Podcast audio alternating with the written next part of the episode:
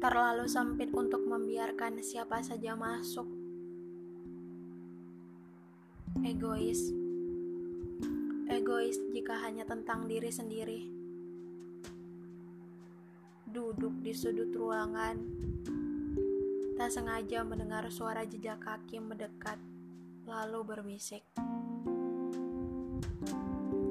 Hei, bangunlah. Sudah ribuan jam kau tertidur. Banyak malam kau lewatkan. Apakah kau tidak ingin melihat dunia? Manusia semakin pandai mengambil peran.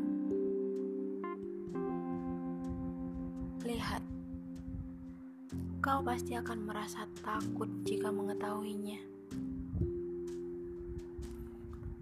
Apakah tidak ingin melakukan hal yang sama atau lebih dari mereka? Ah. Diam tak ada jawaban. Lalu setahun kemudian ia bangun.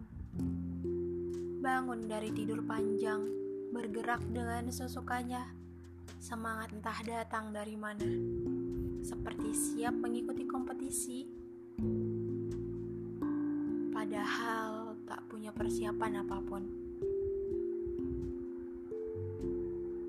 Katanya, lagi-lagi tak ada yang tahu.